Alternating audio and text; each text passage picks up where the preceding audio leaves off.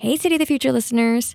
Hope you're enjoying season two. Just wanted to let you know that at the end of this episode, we're going to give some details about an event coming up in Boston in October, all about the future of retail and all the things we talk about in this episode. And now, Stoa.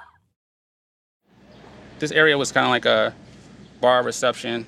Then we had one barber station here, and then manicure pedicures in the back. Oh, cool. And this is where we did our grooming services Uh-huh. fully. That's Isaiah Michael. I'm standing with him on the Lower East Side in New York City, and we're looking into a vacant storefront where his business used to be the Classic Man Barbershop.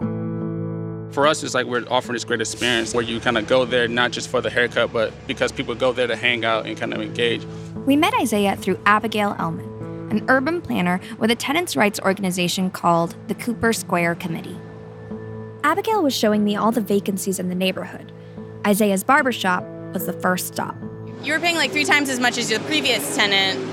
Yeah, 8,500 a month, Whoa. 600 square feet. That's a ton. Yeah. It's not so much for 8,500. If we were paying 8,500 and the water worked and the electrical was mm-hmm. fine, Right. and like, you know, there wasn't a construction project outside Right. the space every single day, then we would have been fine. We kind of reached a point where it's like, all right, we're not running a business at this point. We're arguing with the landlord. Abigail took me around to see some more of the vacancies in the area. This was like a vintage shop. They were doing a lot of stuff online anyway. In 2018, Abigail participated in a storefront survey with the East Village Community Coalition to track all the vacancies happening on the Lower East Side. Avenue B, which we're on right now, had 19%, one in five vacancies. Through the survey, Abigail discovered why so many businesses have had to close. And the reasons varied from landlords to online competitors to rents.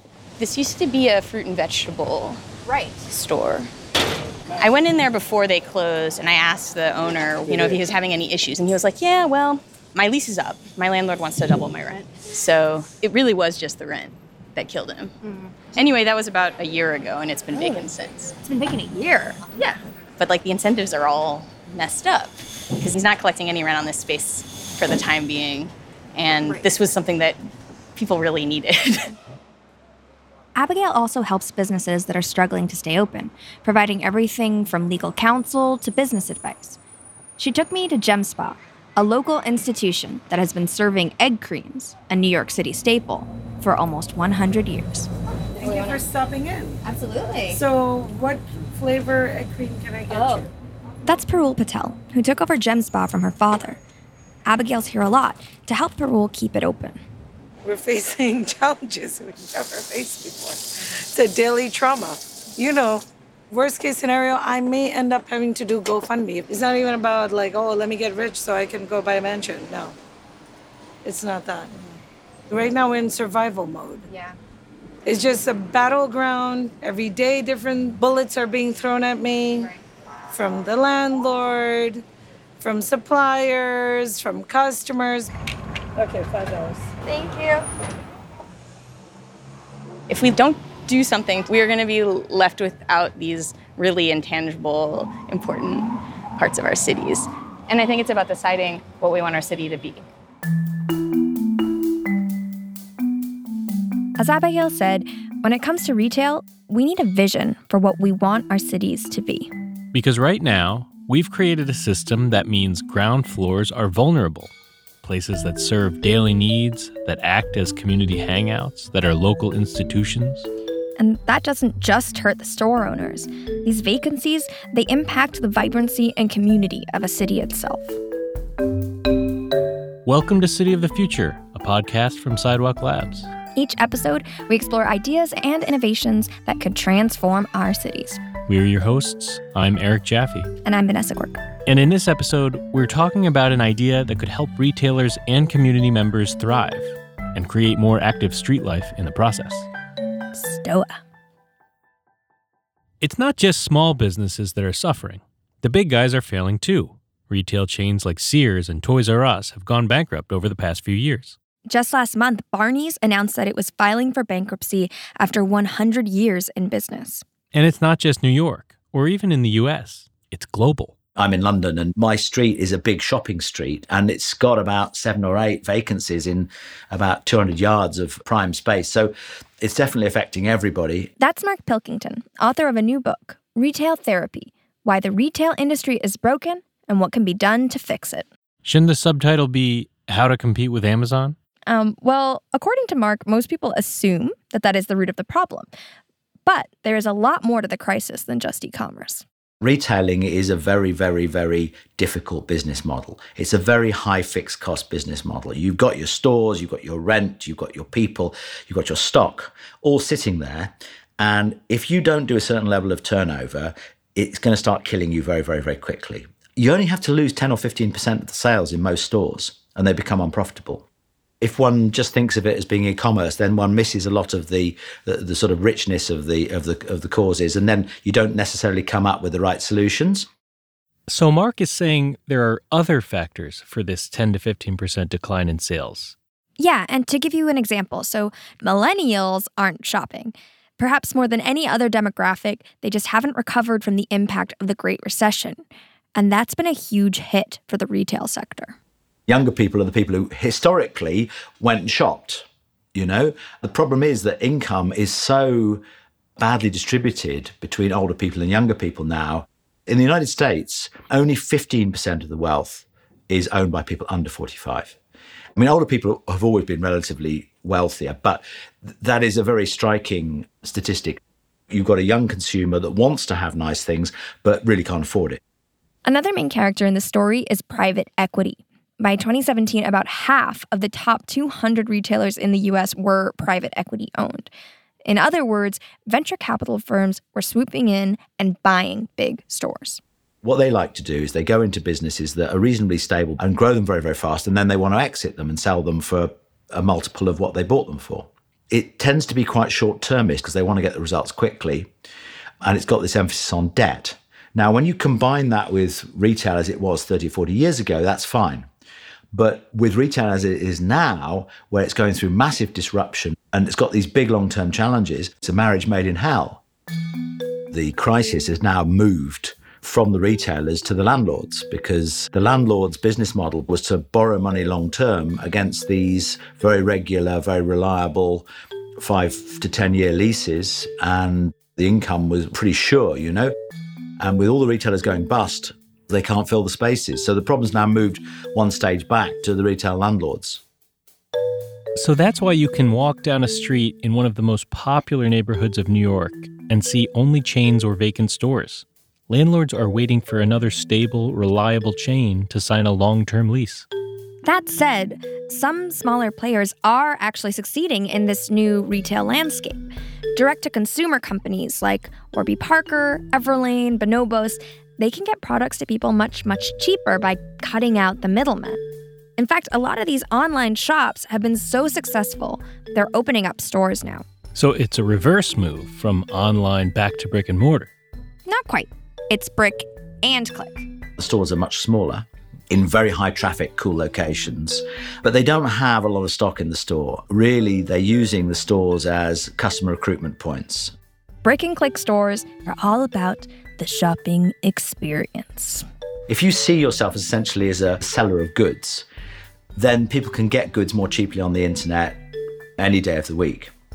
But what you can't get on the internet yet is that experience. I think people still want to have engaging experiences and go out and, and meet other people.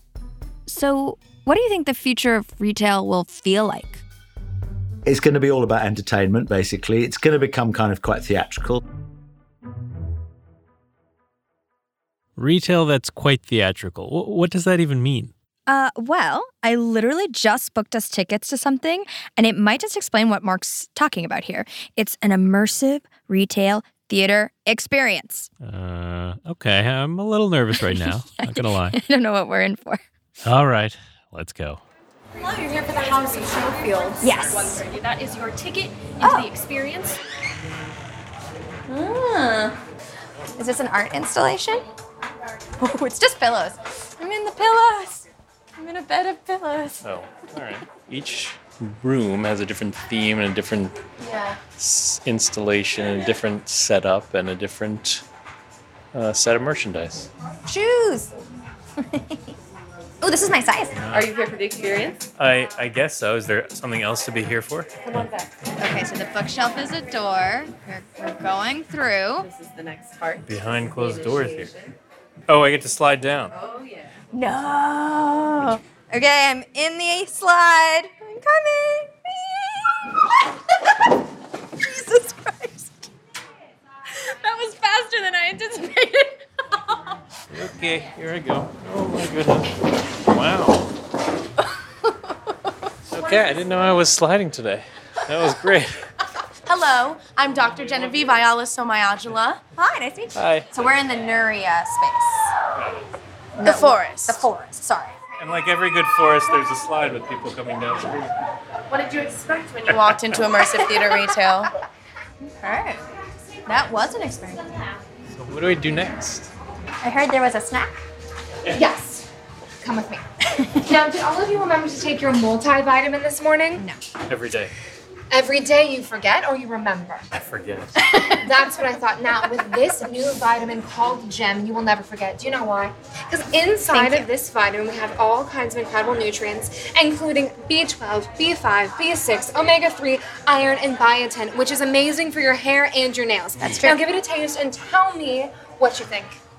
You're yummy. This is great. Wow. Okay. Okay, now we're walking into Ethos. This is Etho. Welcome.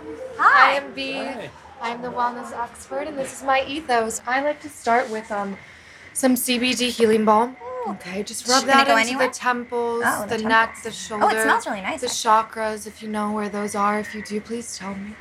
I actually studied musical theater and um, just pretending to be a wellness expert, but you know, don't record that. Um, Well, I feel better already, so oh, you're, you're good, good, good, good. The things I googled are working wonderful. That um, cream was not messing around. It is strong. Woo. Woo. I bathe in it sometimes. I'm not kidding. That CBD stuff is still tingling on my face. Woo. I'm still processing that whole experience. Mm, At least the tingling has has stopped on my face. That's good. I mean, okay, all of those products that we walked through, they're real items you can go back and buy online. hmm I already looked up some of those uh, cute cheese that I saw there. Did you buy them? No, I might later, but that's besides the point. I had a fun theatrical experience. So retail can be more than just buying things. Okay, I mean, I had fun too, but is that really enough to solve the retail crisis?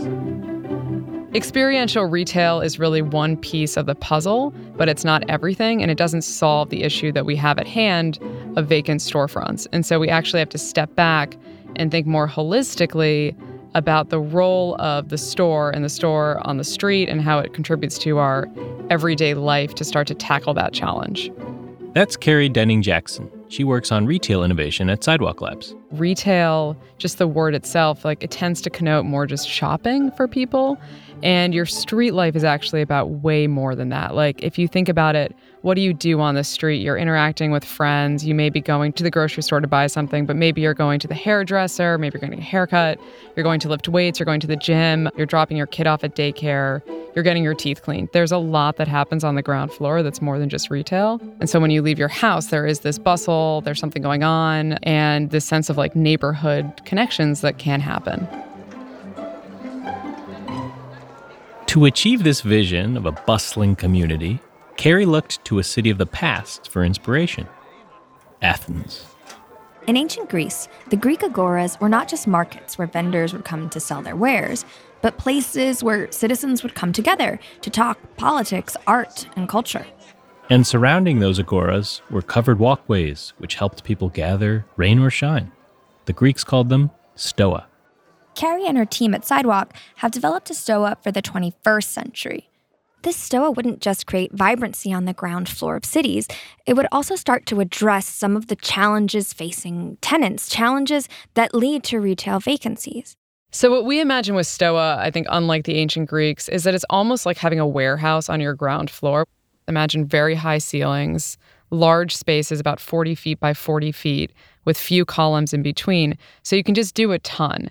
It's the type of space where you can have your Cineplex, you can have your grocery store, you can have your small barber shop, you can have a restaurant. It really has a whole range of uses.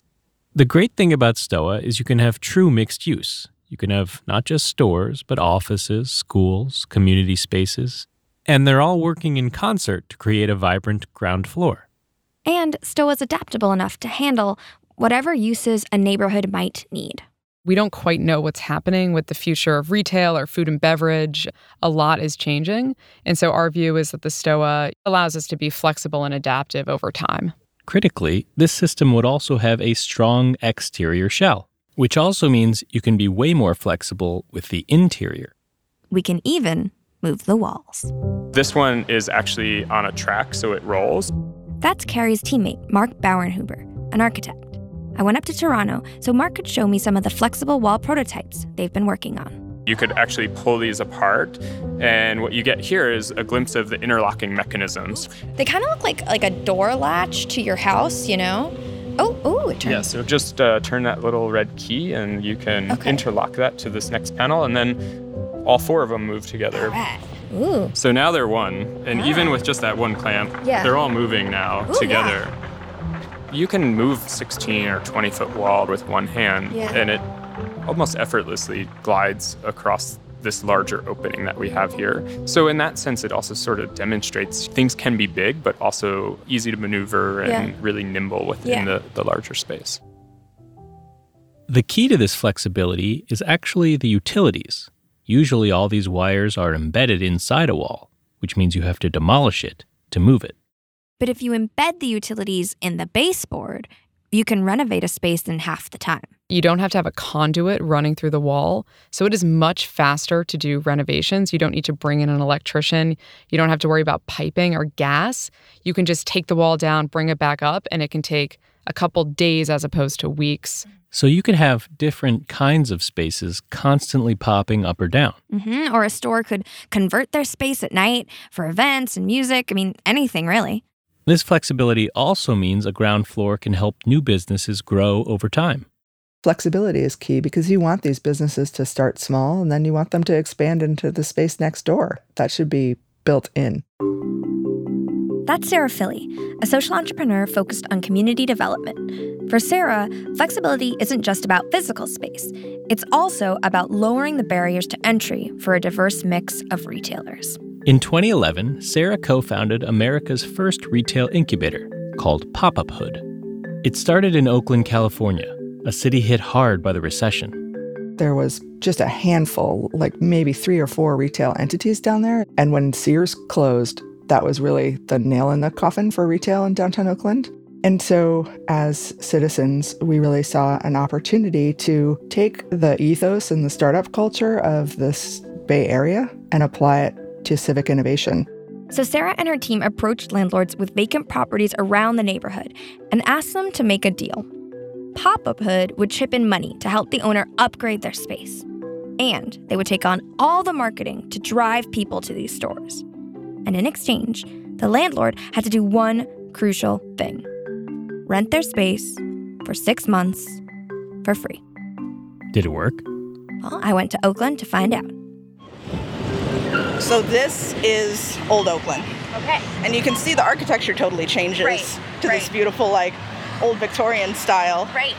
Chase, would you mind introducing yourself? Hi, I'm Chase Clark. I own the Black Squirrel. It's a yarn and fabric shop in Berkeley, and I'm opening a second one in Oakland that's going to be only yarn, hand dyed stuff.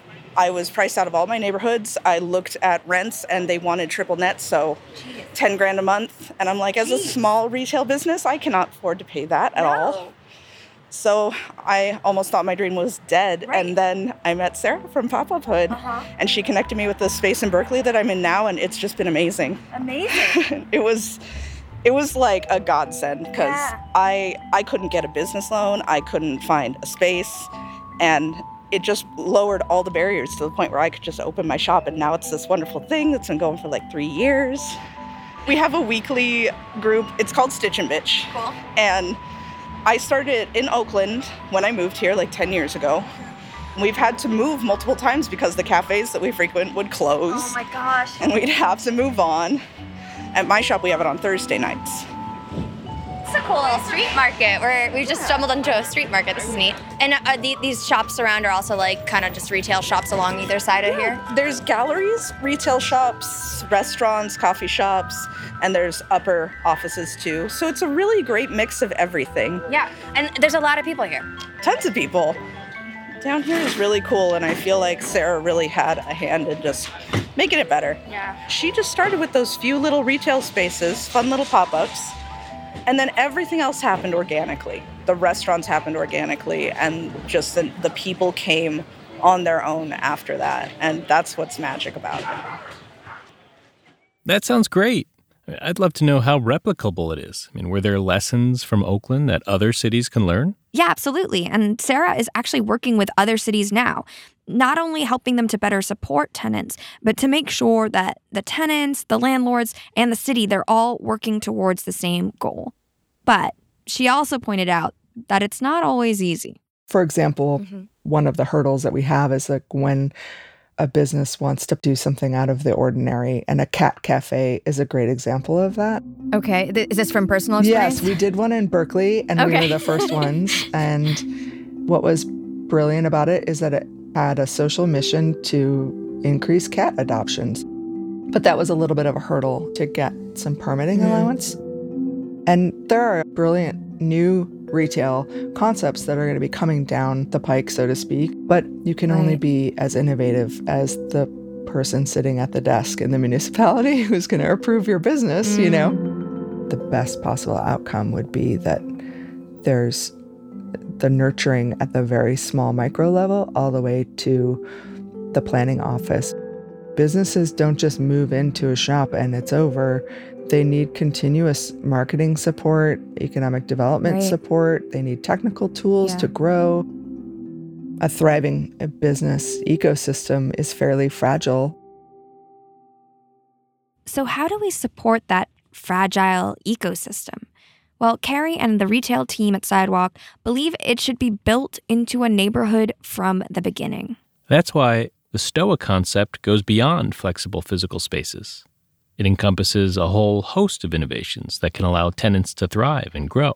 And for Carrie, that includes flexible leases. Often, a brand or a retailer, whoever, like they're testing their concept. They don't know if it's going to work. They're testing, it's like testing a new recipe. And so, we want to enable that, offering options for tenants for one month to six months to a year to more, and have lease terms that are really as tailored to them as possible. Another way tenants could be supported is through sharing space. This idea is called co tenancy. Can there be a way for two different merchandisers to actually be in the same space and split their rent? That's pretty challenging, but it can be done. We've seen that with coffee shops and bars kind of sharing the same space at different hours. So imagine I'm a tenant in your city of the future. Uh, what are some of the ways that it would be easier for me to go ahead and set up shop? Great. So I'm going to just, for argument's sake, say you are a daycare provider.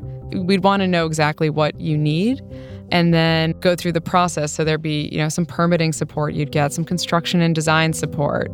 So you plug in, like, this is what I need. I need a space with not a lot in it, like, but open, no columns, don't want kids running into columns. Um, you want it pretty wide and open. Big um, space to set up my playground. Yeah, you need lockers and you put in all of that information and you say, you know, I'm generally open in the middle of the day. Meanwhile, say I own a yoga studio. Turns out I have pretty similar needs. I don't want columns in my space. I need lockers, but I'm open in the morning and I'm open in the evenings. And so you could have some sort of tool that matches you guys. And you could, you know, split rent potentially. It's our goal to weed away all the stuff that a tenant doesn't want to deal with and the stuff that's challenging, whether that's permitting or getting locked into a 10 year lease when they don't want to and it's too risky. Like, we want to get rid of all of that. To help manage STOA, Sidewalk is developing a technology platform called Seed Space. The seed space concept is such that, you know, you're kind of guided and walk through the whole process. We want to make this as user friendly and easy for the tenant as possible. SeedSpace could bring the kind of metrics that e commerce platforms have into the physical world, not only to help match tenants, but to gauge what's working on the ground floor. There are plenty of places where they're not necessarily driving huge amounts of sales, but they're an unbelievable asset to the community. Bookstores might be one of those places where, you know, tons of people are coming, but they're not necessarily purchasing a book every time. They're just sitting and hanging out.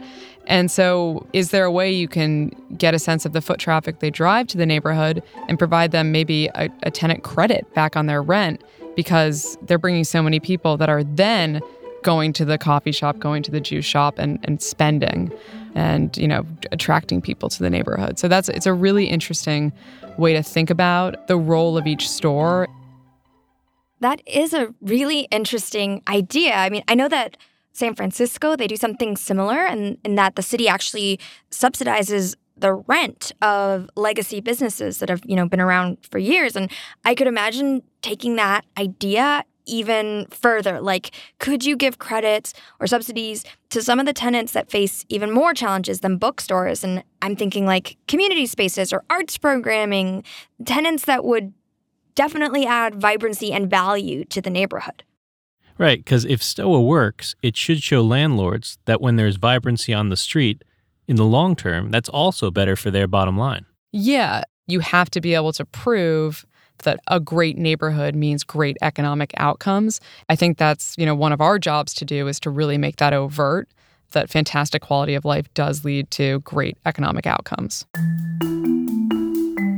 A reason I got into doing this work when I was in college and then business school was because I was frustrated as somebody in their 20s that there's nowhere to spend time on the weekends besides a bar. Yeah. And I would have liked a space where, you know, I could have spent time with friends but also do things that I enjoy, which was, you know, creative creative things like making art. Yeah. So, and they're just those spaces don't exist.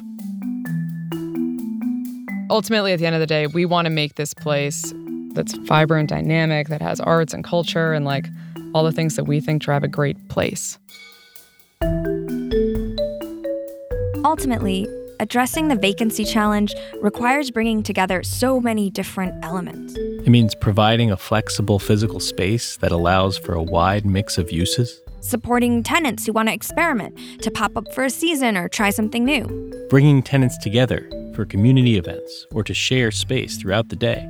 It also means giving a more permanent home to those community anchors that make a neighborhood great. And by doing all these things, you can actually activate a neighborhood, not just from 9 to 5, but for 12, 14, even 18 hours a day and throughout the year. And then you create that street life, that unique interaction of people and place that makes a city feel alive.